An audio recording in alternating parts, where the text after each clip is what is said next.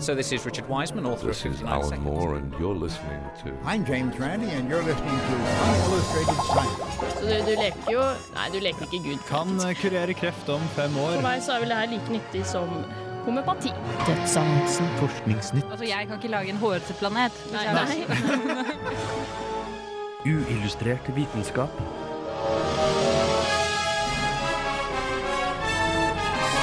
Science, it works, bitches. Kan man få kreft av mobilstråling? Og hva er egentlig eloverfølsomhet? Førsteamanuensis Gunhild Oftedal ved HIST vil gi deg svaret på dette i ukas utgave av Uillustrert vitenskap.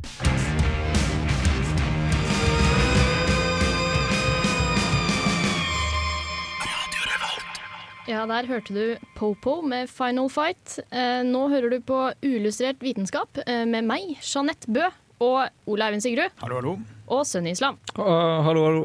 Hei, velkommen. Takk. Eh, som vi nevnte, i forrige uke så er jo godeste Ole Eivind eh, medarrangør i den fantastiske Kritisk masse i, eh, i Oslo. Og, og der har han vært så heldig å få et eh, intervju med Gunhild Oftedal. Hva slags kvinnemenneske er det? Ja, nei, hun er førsteamanuensis på HIST, og eh, en av, eh, om ikke den, eh, fremste eksperten på mobilstråling og eventuelle biologiske effekter. Har de det eksperter på HIST? Ja. Eh, Og da jeg snakket med henne om mobilstråling, el-overfølsomhet og kreftfarer. Eh, Det intervjuet skal vi få i dag. Og i tillegg så er det jo selvfølgelig nyheter innen forskning som har skjedd. Eh, Det vil omhandle løsningen på eggmangel, altså det vil si hos eh, kvinner. Om du har mangel på egg, så vil du nyte godt av eh, nyheten. Et aktuelt problem og tema. Ja. Så er det gladsak til heroinmisbrukere. Til Jaha. dere, de av dere hjemme som er det. Og så er det en bekreftelse på hvor dårlig mennesker, mennesker man blir av å bli rik. Jaha. Man blir faktisk litt, eh, litt eh, dårlig av det. Eh, Sunny har også gjort noe denne uken her. Han har opptatt seg av froskekoking. Ja, jeg er veldig glad i froskekoking og andre franske kunstner, så jeg har tatt for meg det. Yes, Vi skal starte med intervjuet med Gunhild Oftedal, men først skal vi høre Flatbush Zombies med Thug Waffle.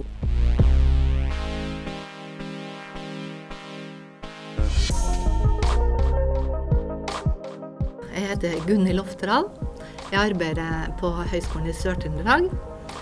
Ansatt som førsteamanuensis der. Og så har jeg forska det meste av arbeidslivet mitt. Og det meste av den tida igjen på virkninga av elektromagnetiske felt. Eh, Nå har du jo forsket veldig mye på mobilstråling og wifi-stråling osv., men eh, da du begynte å forske på dette feltet, så var det ikke mobiltelefoner som var tema. Hva, hva forsket du på da? Så jeg begynte jo eh, sånn 90-91, og det var jo omtrent før mobiltelefonene ble oppfunnet, i hvert fall i den formen de er nå.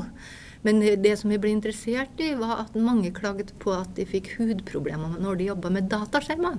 Og det var jo de her store katodestråleskjermene. Så var det folk som gikk rundt og solgte skjermfilter og sa at det hjelper, da blir du ikke dårlig. Og så var jeg nysgjerrig. Dårlig? Ja, det er noen som har hudproblemer og blir rød i ansiktet og klør osv. Og, så og bilder av folk med utslett og sånne ting. Og så tenkte jeg det her var jo interessant, kanskje jeg skal begynne å forske på det. Og så fikk jeg faktisk lov til det. Jobba på Sintef da. Eh, Det heteste temaet nå for tiden er jo eh, mobiltelefoner, og eh, er det farlig eller ikke? Så hvordan undersøker man om mobilstråling kan ha biologiske effekter?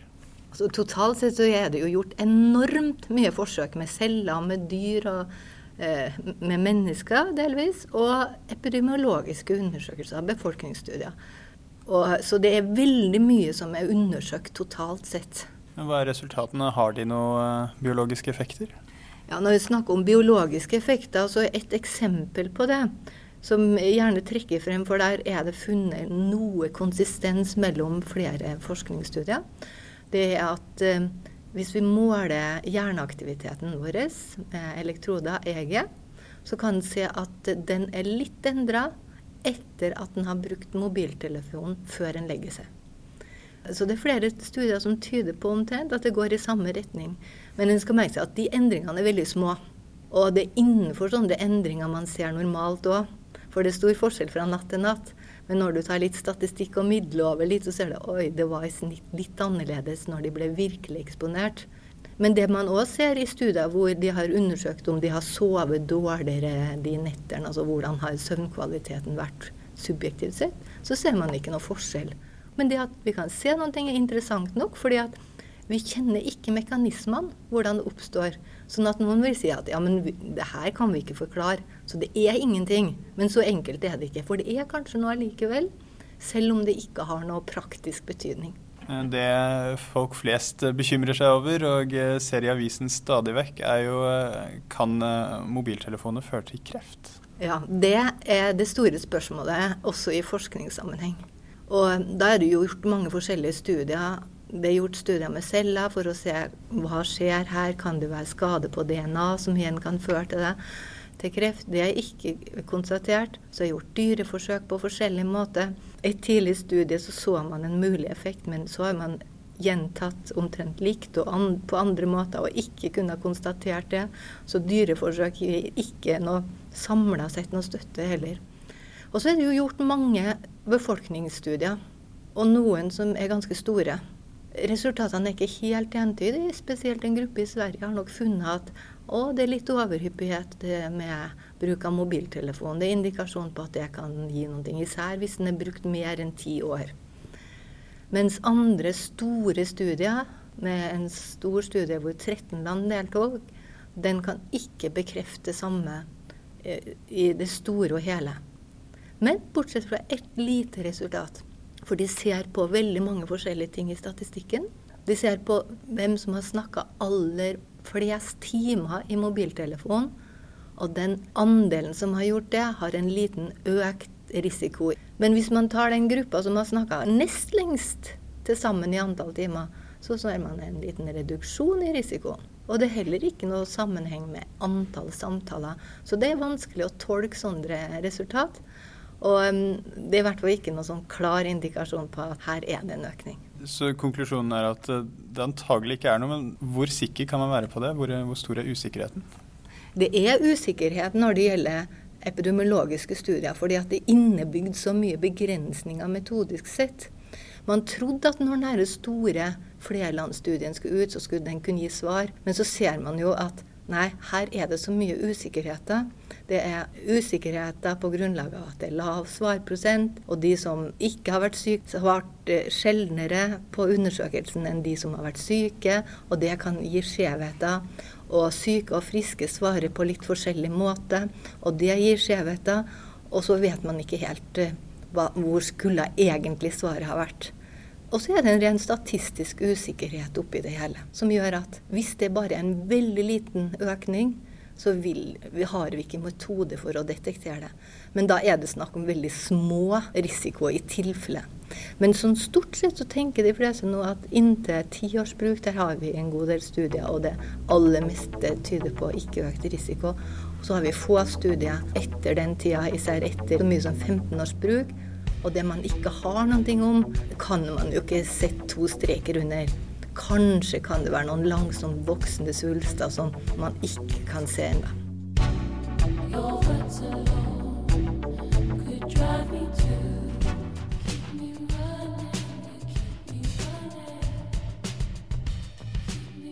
Eloverfølsomhet, eh, hva er det? En del mennesker opplever at de blir syke når de er i nærheten av elektrisk utstyr. Noen mens de bruker mobiltelefon, andre i nærheten av høyspentlinja eller i nærheten av basestasjoner og sånne ting. Det er forskjellige symptomer de får. da. Mobiltelefon og hodepine henger ofte sammen. En del får søvnproblemer pga. basestasjon eller høyspentlinja for den saks skyld. Så det er stort spekter av symptomer. Men de symptomene som det snakkes om, det er sånne som også andre opplever. Altså befolkninga generelt, da. Men de som opplever det her, opplever ofte en veldig nær sammenheng mellom bruk av f.eks. mobiltelefon og hodepine. Hvordan kan man forske på eloverfølsomhet for å finne ut uh, om det er en sammenheng mellom stråling og ubehaget? Eh, når det gjelder eloverfølsomhet, så dreier det seg jo i første rekke om egne opplevde symptomer. Og det er derfor så har det hatt et hovedfokus å se blir de dårligere når de utsettes for det de mener gir dem plager, enn når de ikke utsettes for det, og da i blindstudier. For det vi ser er at hvis de vet når de blir eksponert, da blir de dårlige. Og når de vet at de ikke blir eksponert, så blir de ikke dårlige. Så det må gjøres blindt. Og da er det jo gjort eh, noe til sammen over i hvert fall over 40 studier rundt omkring i flere land. Og med over 1000 eleverfølsomme til sammen i de studiene her, da. Og nesten alle studiene kommer ut med ingen forskjell om de utsettes for elektromagnetiske felt eller ikke. Så dersom eh, symptomene til eloverfølsomme ikke forårsakes av elektromagnetisk stråling, eh, hvorfor opplever de symptomer da? Som jeg sa tidligere, så er det veldig vanlig å ha ulike symptomer. Det har folk flest. Av og til litt hodepine, av og til litt ekstra trøtt, litt vondt i magen, ubehag, hjerteklapp og hva som helst. Og veldig ofte når folk går til en lege, så finner ikke legen noen årsak og sier Nei, jeg fant ingenting. Det her er greit, du er frisk. Og mange tenker at ja ja, så er det greit. Og så kanskje glemmer man det, og så blir man bedre. Og noen har litt vondt i hodet av og til uansett. Så det å ha symptomer i seg selv er ikke noe spesielt. Og noen har litt mer alvorlig enn andre. Men det er òg funnet at noen som mener de var 11 før, som har blitt diagnostisert med andre sykdommer og kunne ha fått behandling. Men det store spørsmålet da, er jo egentlig hvis de har symptomer, helseplager av andre årsaker, hvordan kan de da oppleve at det er de elektromagnetiske feltene som er årsaken til det? Det må vi òg kunne forklare. For min del så har jeg lest en del litteratur for å prøve å finne ut av det, mer grunnleggende litteratur om sammenhengen mellom psykologi og somatiske symptom. Og det en ser der, er at man kan få symptomer når man forventer å få det. Og det er jo òg bekrefta i studier med eloverfølsomme, for de får symptomer i blindforsøk når de blir eksponert, og når de ikke blir det. Sånn at forventningen om at de kanskje eksponeres, kan i seg sjøl fremkalle symptom. Og det er akkurat det motsatte av placeboeffekten. Da blir man bedre ved å ta noe medisin som man tror virker. Og det setter i gang en masse fysiologiske, kjemiske, diverse prosesser i kroppen som gjør at man blir friskere. Og det motsatte hvis man tror man blir syk. Men det er noe med også hvis man først begynner å tro at det er en sammenheng, så søker man ubevisst etter bekreftelser på det. Sånn at om jeg mener jeg blir dårlig av bruk av mobiltelefonen min, så vil jeg legge merke til hver gang jeg har hodepine mens jeg snakker i telefon, eller kanskje litt etterpå, og tenker at ah, det var telefonen. Og de hendelsene husker jeg veldig godt. Jeg trenger ikke å prøve å huske dem, men jeg husker de veldig godt. Mens de andre gangene jeg hadde litt vondt i hodet, så kanskje jeg ikke merka meg det engang. På samme måte. Og jeg har glemt det dagen etterpå. Så da får jeg vann på den mølla som gir meg bekreftelse om min tro. Så det er flere mekanismer kan spille sammen som gjør at en faktisk får mer symptomer når en bruker mobiltelefon, f.eks. nocebo-effekten. Og det at man legger merke til å huske det. Og så kan det etablere seg en sammenheng, selv om det ikke er noe fysisk sammenheng.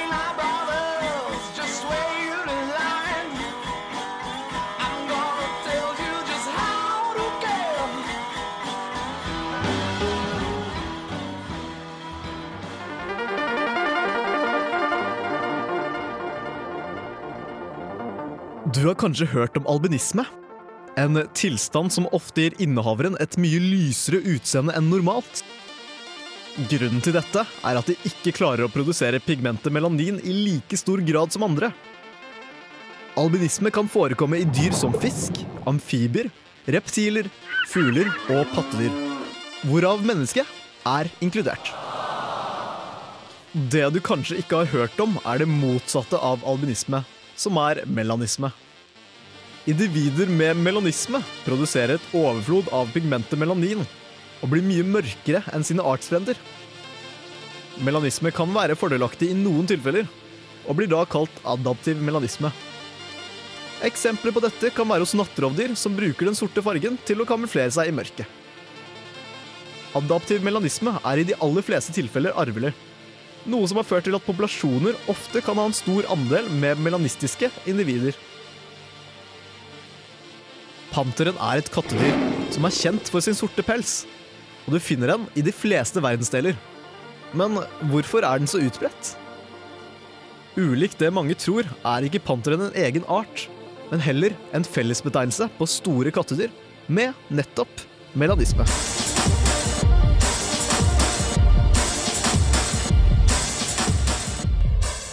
I'm James Randi, and you're listening to Unillustrated Science. Ja, der fikk du vitenskapelig ett minutt om eh, melanisme. Det, er altså, eh, det oppstår eh, hvis dyr som ikke er svarte som regel, plutselig er svarte, osv. Eh, før der så hørte du Gunhild Oftedal. Smart dame. Ja, intervjuet Oleivind gjorde der. Og kort oppsummert så er det jo Det er ikke noe som tyder på at det er noen forbindelse mellom mobilstråling og kreft. Nei. eh, det er ingen, eh, ingen eh, sammenheng der, antagelig. Det kan hende det er en liten økt kreftrisiko ved langtidsbruk. Antagelig ikke, men det kan fortsatt hende. Det man kan si da med sikkerhet, eller med stor sikkerhet i hvert fall, basert på det vi vet, er at i så fall er den økte kreftrisikoen veldig liten. fordi hvis det hadde vært en stor eller en betydelig økt kreftrisiko, selv på langtidsstudiene, så ville man antagelig sett den allerede.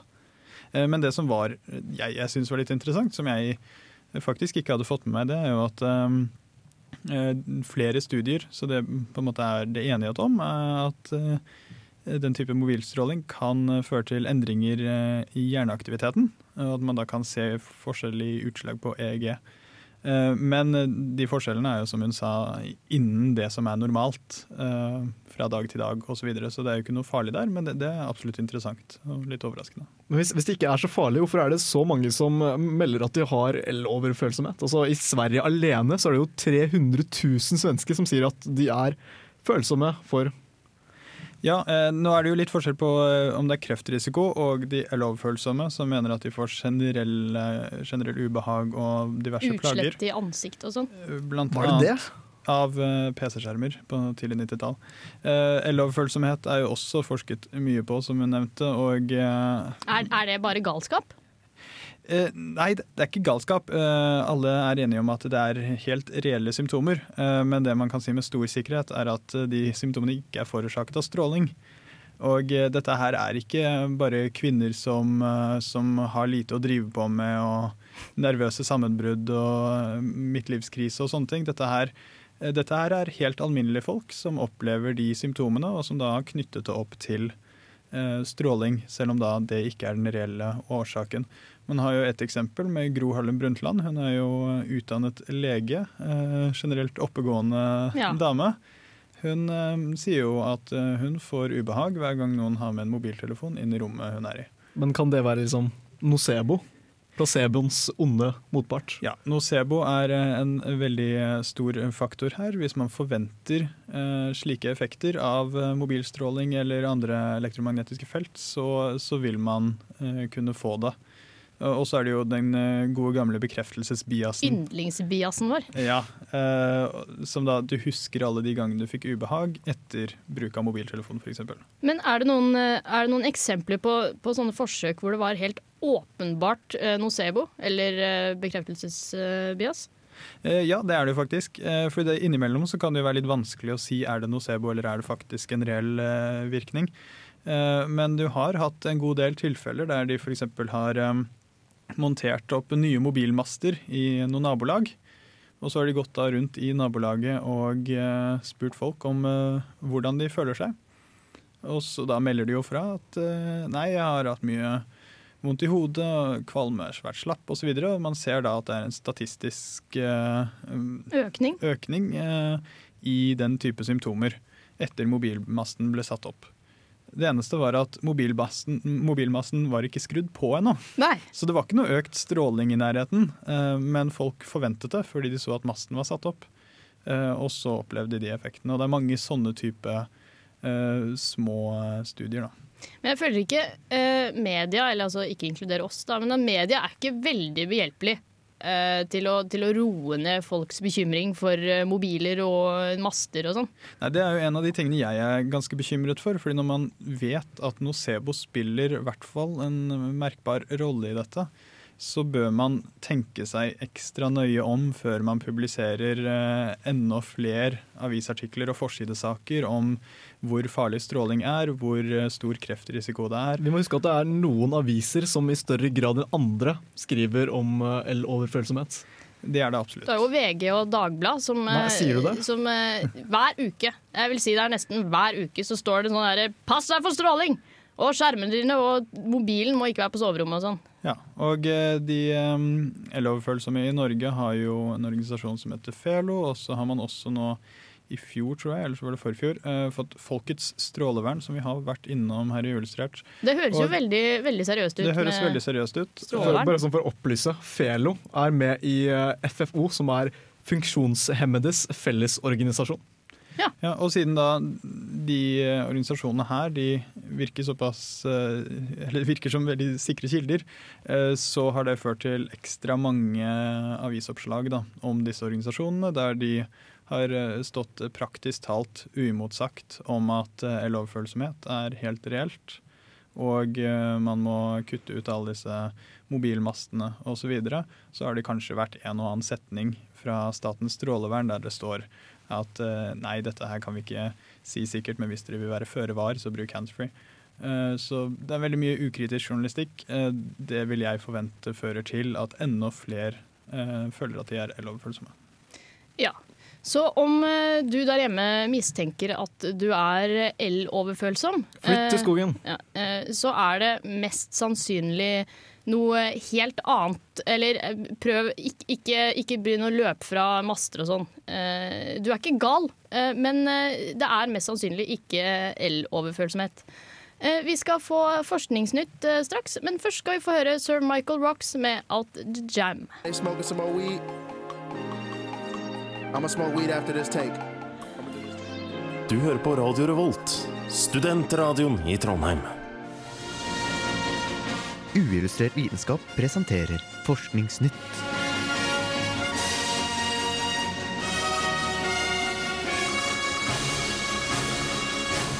Forskningsnytt. Vi har lenge gått ut ifra at kvinner er født med kun et visst antall eggceller, som deles ut i løpet av kvinnens fruktbare alder. Dette har vært opp til diskusjon flere ganger, men det kan nå hende at det ikke har noe å si. Et nytt studie sier nemlig at det kan være mulig å fylle opp igjen dette lageret. Forskere har nå klart å isolere stamceller fra eggstokkene til voksne kvinner, som kan se ut til å kunne produsere nye egg. Jonathan Tilly ved Massachusetts General Hospital forteller at stamcellene vokste seg til celler som har egenskapene til eggceller. Så tilsatte de et gen som fikk cellen til å lyse grønt, og plasserte de i menneskelig eggstokkvev, for deretter å plassere det i mus. Et par uker senere var cellene blitt til ferdige grønne eggceller.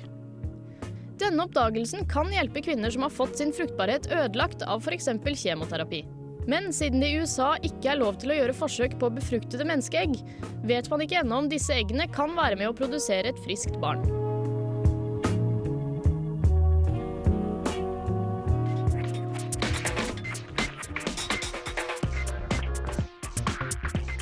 Gruppe meksikanske forskere jobber nå med en vaksine som kan redusere avhengigheten av en av verdens mest kjipe narkotiske stoffer heroin. Vaksinen, som har blitt patentert i USA, gjør kroppen resistant mot effekten av heroin.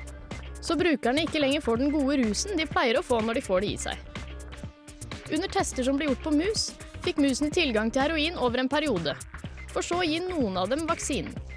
De som fikk vaksinen, viste en tydelig nedgang i sitt heroinkonsum, noe som ga US National Institute of Drug Abuse håp om at dette også vil fungere på mennesker.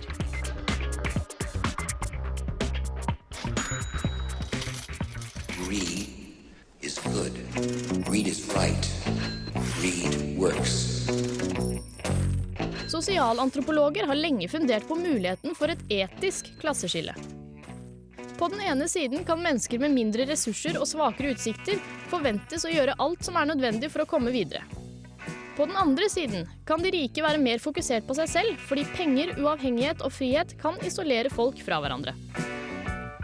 For å se om uærlighet varierer med sosial klasse, utviklet psykolog Paul Piff ved Berkeley i California og hans kolleger en rekke tester gjort på grupper på 100-200 deltakere. Teamets funn tyder på at jo mer privilegert du er, jo mer uærlig er du.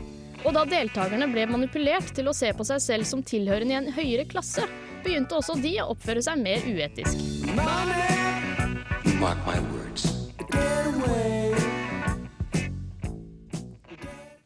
Ja, det var Forskningsnytt eh, presentert av eh, meg.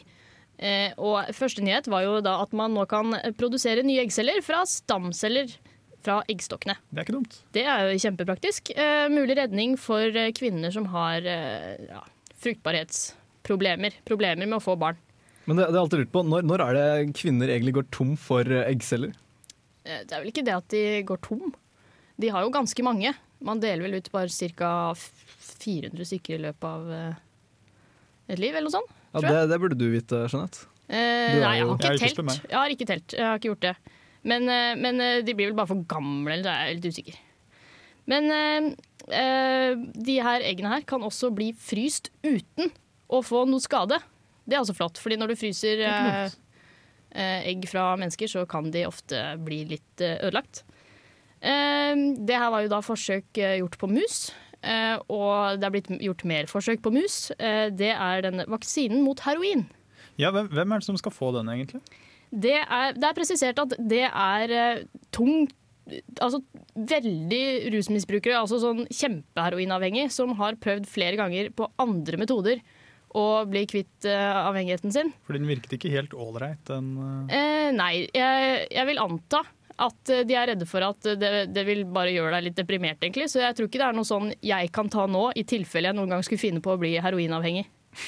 Så det er, det er for folk som allerede er på kjøret, eh, rett Det er, jo, det er jo mye bedre enn metadon og eventuell framtidig gratis heroin. Hmm? Det, er, det er jo mye bedre enn metadon og eventuell framtidig Ja, gratis det heroin. er, det, er jo, det er jo bedre enn det. Det, det. det stemmer. Så de skal snart begynne å teste det på mennesker. Så da, da blir Synes det var litt slemt å gjøre de stakkars musene om til heroinavhengige. Ja, men de blir jo friske igjen. eh. Vi har en god, eh, lang tradisjon for å gjøre mus og andre dyr eh, heroinavhengige. Så Så var det min eh, yndlingsnyhet eh, til slutt. Jeg syns den var morsom. Eh, jo, jo rikere du er, jo litt sånn kjipere er du. du sa at det ble gjennomført en rekke tester, men eh, hva slags tester var det? Ja, det var jo mange, men jeg, jeg pekte meg ut én som jeg syns uh, var ganske morsom. Uh, de plasserte eh, De hadde med seg på laget fotgjengere. Som de plasserte på strategiske steder i San Francisco. Eh, og da fikk de de til å gå over fotgjengerfeltet eh, og notere seg hvilken bil som kom kjørende, fordi bilen skulle ha nok tid til å kunne stoppe. Men den hadde også muligheten til å bare rase forbi, og sånn at fotgjengeren står igjen og hytter med neven, sånn som jeg ofte liker å gjøre. Eh, og det viser seg da at det er de nye og flotte bilene som, eh, som eh, raser forbi og er litt sånn frekke i trafikken. Mens de gamle, litt sånn mer hyggelige bilene, de stopper. Hvem skulle trodd? Jeg leste også at Prius, altså hybridbilen til Toyota, Prius, var med i forsøket. Så jeg er veldig nysgjerrig på hvordan gjorde Prius-sjåførene det. Eh, de er på verstinglista, eh, er jeg redd. De gjorde det veldig dårlig. Akkurat som Eh, forventet. og han eh, lederen av eh, det studiet her, som heter Piff, eh, litt morsomt navn, eh, han, han sier at det her demonstrerer en slags moralsk lisens. Fordi Prius-kjørerne mener jo at de holder på med å, å redde miljøet, redde verden. Så da har de lov til å være, være noen møkkafolk i trafikken. Så, så de legim- legitimerer det med, med at jeg kjører en fin bil. Men forsøket sier jo bare at det er rike i San Francisco som er rasshøl. Ja, det, det kan hende det begrenser seg der, altså. Ja, Men det har vært flere det. studier som har vist at uh, rike mennesker er mer egoistiske osv. Det er jo kanskje derfor de er rike. Ja.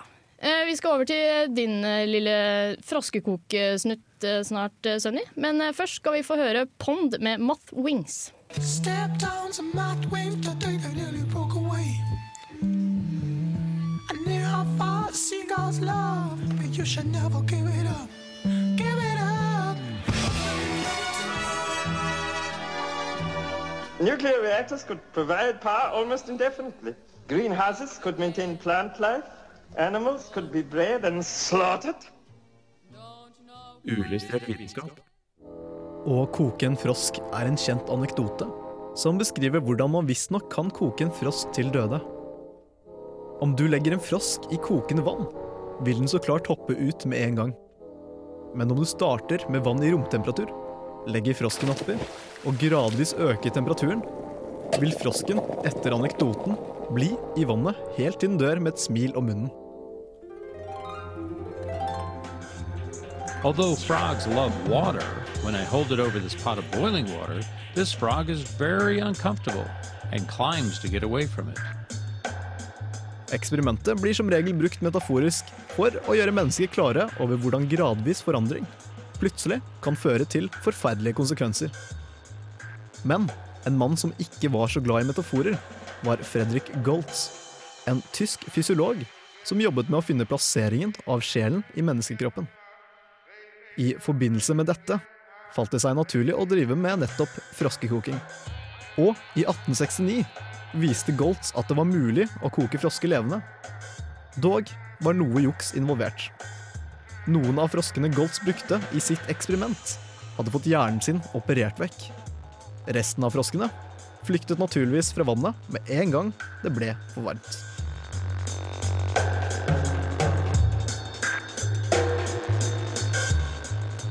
Ja, det var eh, froskekoking av eh, Sunny Islam. Det var, det var enda godt vi fikk eh, vite det her, Sunny. Eh, men hvorfor i all verden lette de etter sjelen til frosken? Nei, altså, De lette jo ikke etter eh, nødvendigvis sjelen til frosken, det var jo sjelen til mennesket de lette etter. Ja. Men de håpa jo på at dyr også hadde sjel. Så det jeg tror Gultz gjorde altså Han var jo litt batshit crazy, som vi liker å si her i Illustrert. Ja. Men det jeg tror han gjorde, var at han skulle sjekke hvorvidt sjelen var i hjernen eller ikke. Så da tok han jo hjernen ut av frosker. Og så satte dem i kokende vann, og så så han om de reagerte. Og hvis de ikke reagerte, så hadde de jo selvfølgelig ikke noe sjel. Og da måtte selvfølgelig da sjelen være i hjernen. Men én ting med denne ko- froskekokinga, jeg forstår ikke helt metaforen. Er det noen av dere som klarer å tolke den? Ja, nei, Jeg har hørt den bli brukt eh, fryktelig mye, og det har alltid vært den der kjipe besserwisseren som kommer og sier nei, men det stemmer egentlig ikke. Uh, nei, fordi det er veldig vanlig at eh, konspirasjonsteoretikere og andre eh, raringer Andre ja, kommer eh, med den metaforen. Fordi de sier at akkurat som en frosk ikke vil merke at den blir kokt så lenge man øker temperaturen gradvis, så kommer dere ikke til å legge merke til at vi mister alle rettighetene våre. Fordi de, vi fjerner gradvis sånn én og én rettighet, og så til slutt så sitter vi igjen uten rettigheter fordi staten vil oss vondt. Eh, Og vi kommer ikke til å merke det de før vil det er for sent. Og det er vel egentlig det det går på. Du, at, eh, du sa at det eh, froskekokeforsøket ble gjort i eh, 1868. Stemmer. Eh, er det, har de gjort noe forsøk etter det? Ja, det har de faktisk. De eh, godeste Victor Hutchison han gjorde et forsøk nå i 2002.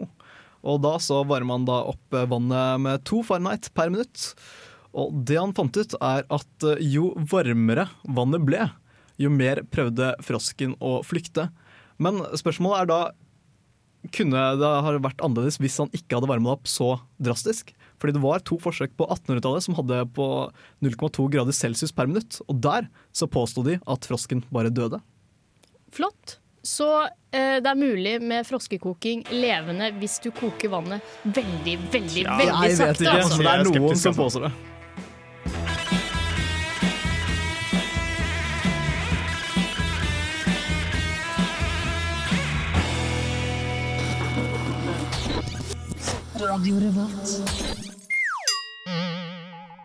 Uillustrert vitenskaps fun fact-skole.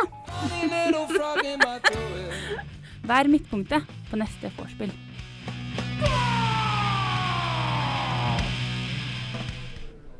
Visste du at mennesker født med rødt hår krever opptil 20% mer bedøvelse i forbindelse med anestesi for å oppnå lik effekt som mennesker med andre hårfarger?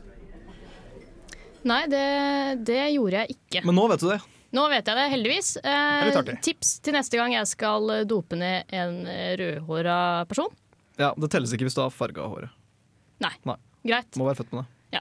Så ikke på meg, altså. Jeg trenger bare lite bedøvelse til dere lyttere. Eh, vi begynner å gå kjempetom eh, for tid, rett og slett. Vi har hatt en eh, veldig innholdsrik eh, sending med at el-overfølsomhet eh, mest sannsynlig ikke er. Ikke er forårsaket av stråling, i hvert fall. Og eh, at du ikke trenger å bekymre deg for å få kreft, selv om eh, du er en hyppig mobilbruker. Og så trenger du heller ikke å bekymre deg for heroin, for det kommer jo en vaksine mot eh, det også. Ja, eller du kan kanskje snart. være litt Vær litt bekymra, ikke begynn. Eh, også rike mennesker er kjipe. Og egoistiske i trafikken. Så må du ikke bekymre deg for at du kan bli kokt levende, Fordi det merker du mest sannsynlig uansett. Jeg vil også si at det er en nyhet at eh, Eller det er en gammelt nytt, da kanskje. Men eh, Prius-sjåfører, ikke bare rike folk, eh, er også kjipe i trafikken. Ja. de tror de hjelper De miljøet. tror men, de men er flinke. Priusen er jo ikke noe Er det noen som fryktelig ikke er kjipe i trafikken? Ja, jeg eh, på, eh, Dere må huske å følge oss på Twitter. Eh, der heter vi Uillustrert. Ja. Og det er alt. Det er også på Facebook. Eh, der er vi også. Og så må du laste ned podkasten vår. Og gjerne legge igjen en kommentar. Ja, en hyggelig en. Eh, og etter oss nå, straks, så kommer Live. Og de skal spille eh. Eh, det flotte bandet. Og eh, vi er jo selvsagt alltid interessert i å få feedback og ønsker om eh, temaer, eller hvis det, er, hvis det er noe du lurer på, eller et eller annet sånt noe, så eh, går det an å bare sende oss en mail. Mailadressen er uv at radiorevolt.no. Ja. Enkelt og greit. Og eh, dagen i dag kommer faktisk til, tilbake til live. Eh, dagen i dag kommer til å være den første dagen hvor jeg skal høre på live, fordi Kajus er aldeles fantastisk. Er vi ikke enige? Jo. Ja. Jeg har hørt på det før, men jeg skal i hvert fall få det med meg dagens sending. Da takker vi oss eh, for denne uken. Ha det bra. Ha det godt.